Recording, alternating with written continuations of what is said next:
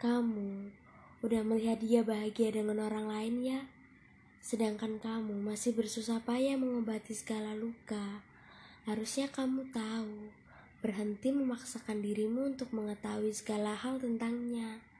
Ada saatnya kamu untuk memperjuangkan dengan sungguh, mempertahankan dengan erat, tapi ini saatnya untuk kamu melepaskan, melepaskan dia yang tak lagi mau digenggam melepaskan dia yang tak lagi mau dipertahankan. Menggenggam orang seperti itu, seperti menggenggam pecahan kaca. Semakin erat akan semakin sakit, maka lepaskan. Berhenti menyakiti diri sendiri. Banyak kok orang lain yang benar-benar peduli sama kamu, termasuk aku. Aku peduli kamu, aku gak mau kamu terlalu terluka. Jadi berhenti ya, oke? Okay?